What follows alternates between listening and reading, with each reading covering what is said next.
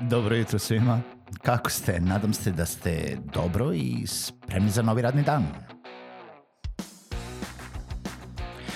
Pozdrav svima i dobrodošli na podcast Male pobede, stari novi podcast koji, well, koji je tu da bi vam kroz pitanje i savete dao motivaciju, pokrenuo vas u pozitivnom smeru i pomogao da ovaj dan počne bolje, jače i možda čak i zabavnije. Moje ime je Željko Crnjaković.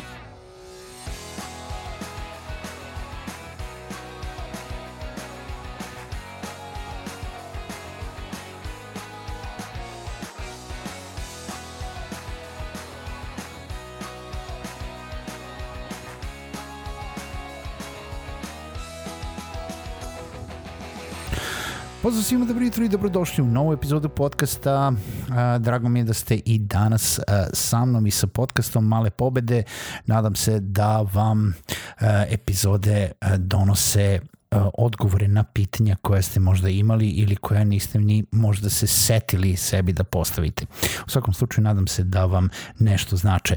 Posjetite sajt malepobede.rs, preslušajte sve epizode do sada, prijavite se na newsletter i podržite podcast putem Patreona ili putem sajta ili direktno na www.patreon.com kroz male pobede. E, danas želim da pričam sa vama vezano za pa koliko ste komplikovani uh, u poslu, to jest koliko komplikovano želite da uvek detaljno uh, ispričate vašu priču, vaš pitch vašem klijentu um, i koliko to može biti štetno možda za neko dobijanje posla ili za celu uh, poslovnu saradnju u tom smislu. I sad, zašto to ljudi rade i zašto, zašto ja ovo pričam? Uh, zato što postoje različite vrste klijenata. Sigurno ste sreli i jedne i druge e, i siguran sam da ima više onih koji su u neku ruku pa nešto im nije odgovaralo, trebali ste možda malo više da se potrudite, uh,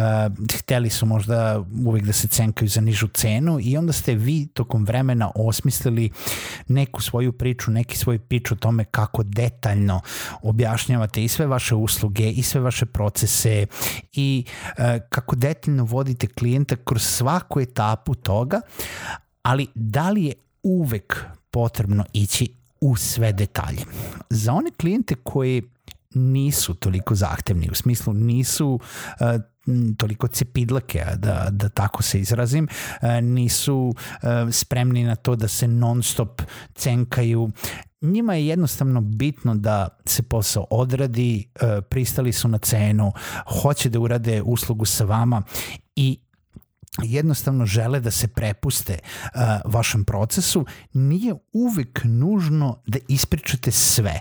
I nije uvek nužno da uvek budete onako uh, na ogradi i da uh, kažete ja pa ovo će samo da vas košta i ovo možete sami da uradite i ovo možete sami da kupite ja ću vam reći šta tačno Ne, ako klijent hoće all-in-one uslugu, ako hoće ključ u ruke uh, i da jednostavno ne želi da se cima oko nekih stvari, vi to treba da čujete kroz razgovori i poenta jeste da slušate klijenta šta hoće da kaže.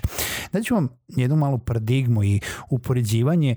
Imao sam dve situacije. Jedan je bio sa majstorom za auto, drugi je bio sa drugim nekim majstorima, gde jednostavno uh, o, oboje majstora su navikla na to da se ljudi žale, da im je sve skupo.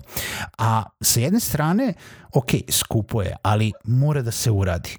Ako pričam tu prvu situaciju sa majstorom za auto, jednostavno došao sam do toga da auto se bio pokvario, odneo sam auto kod majstora i majstor je došao nazad onako smrknut kao da su mu sve krave pobili u principu i ne, pa znate, pa Željko, pa ovo, pa dobro, pa rekao, pa šta je bilo? Pa, pa nije dobro, pa ta ne radi, pa ne taj deo, pa verovatno ćemo mora... Pa, ali tako izgleda kao da ja sad, kao da nema spasa auto. Pa dobro, rekao, pa šta, šta, šta je u pitanju?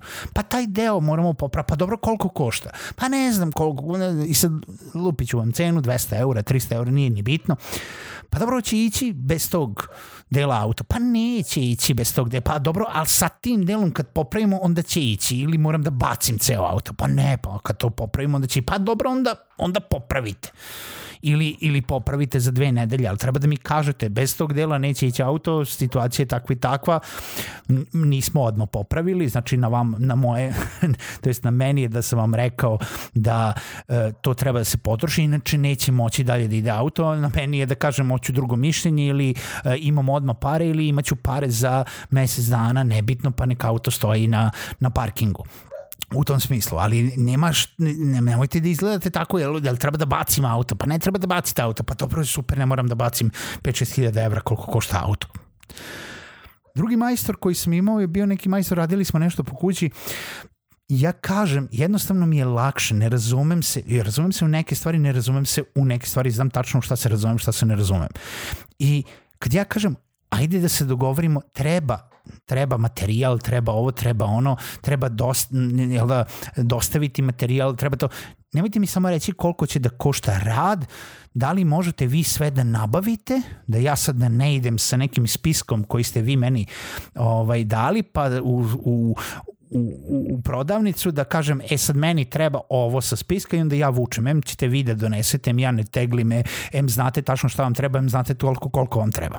Ne, ne, ne, vi ćete sve, evo mi, ja vam tu zapišem i onda ćete vi to sve, da ne bude da sam ja nešto uzao, bar nećete vi meni ništa uzeti, mislim, ja vama verujem, ako sam odlučio i da želim da se ja ne cimam oko nekih stvari, ja želim uslugu ključu ruke, pa sad sve i da košta hiljadu dinara skuplje zato da se ja ne cimam kolima, ja to sada želim. Ako ja sad procenim nakon što vi meni kažete ukupnu cenu da, oh, kao što neki to mogu da rade, to je jako skupo, ja ću sve da nabavim, ti dođi samo radi, to je okej. Okay.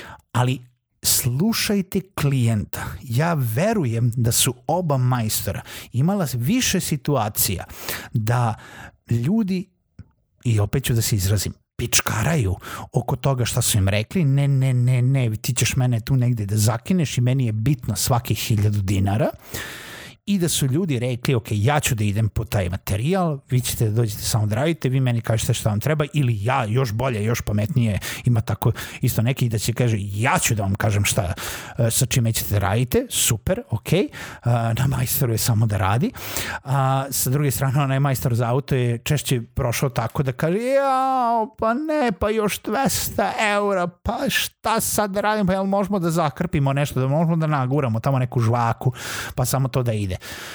I onda i on čovek ne zna kako da pristupi.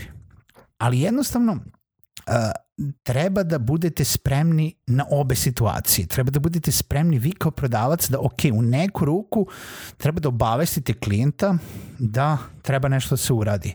Da on treba nešto da, uh, šta vi očekujete od njega tokom tog procesa rada i šta on može da očekuje od vas. A koliko ćete duboko da idete u vaš proces proizvodnje.